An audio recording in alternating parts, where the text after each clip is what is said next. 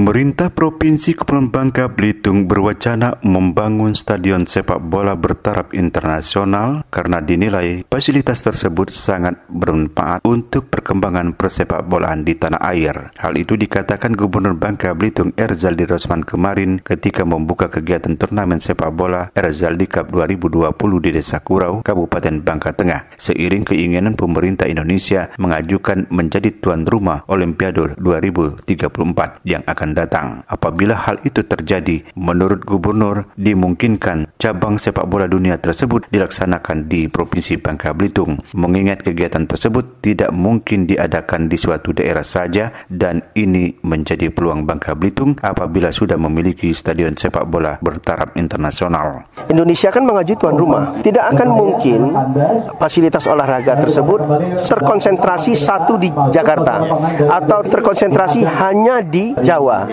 Kita sudah harus memandang hal tersebut. Nah, untuk itu minimal kita adalah satu cabang atau dua cabang yang diselenggarakan di uh, Provinsi Kepulauan Bangka Belitung. Ini angan-angan kami. Kita harus membaca peluang tersebut.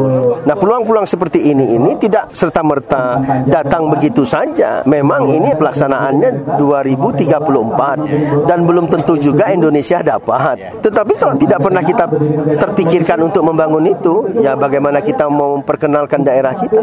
Kami akan berdiskusi lah dengan DPR. Mudah-mudahan DPR bisa mendukung ini karena memang ini sudah menjadi kebutuhan daripada masyarakat kita. Apabila Bangka Belitung sudah memiliki fasilitas olahraga berkelas internasional secara tidak langsung, menurut Erzaldi Rosman, Provinsi Bangka Belitung dikenal dunia yang berdampak pada ekonomi masyarakat lebih baik. Humas Pemprov Bangka Belitung Hasan Aim dari Pangkal Pinang melaporkan.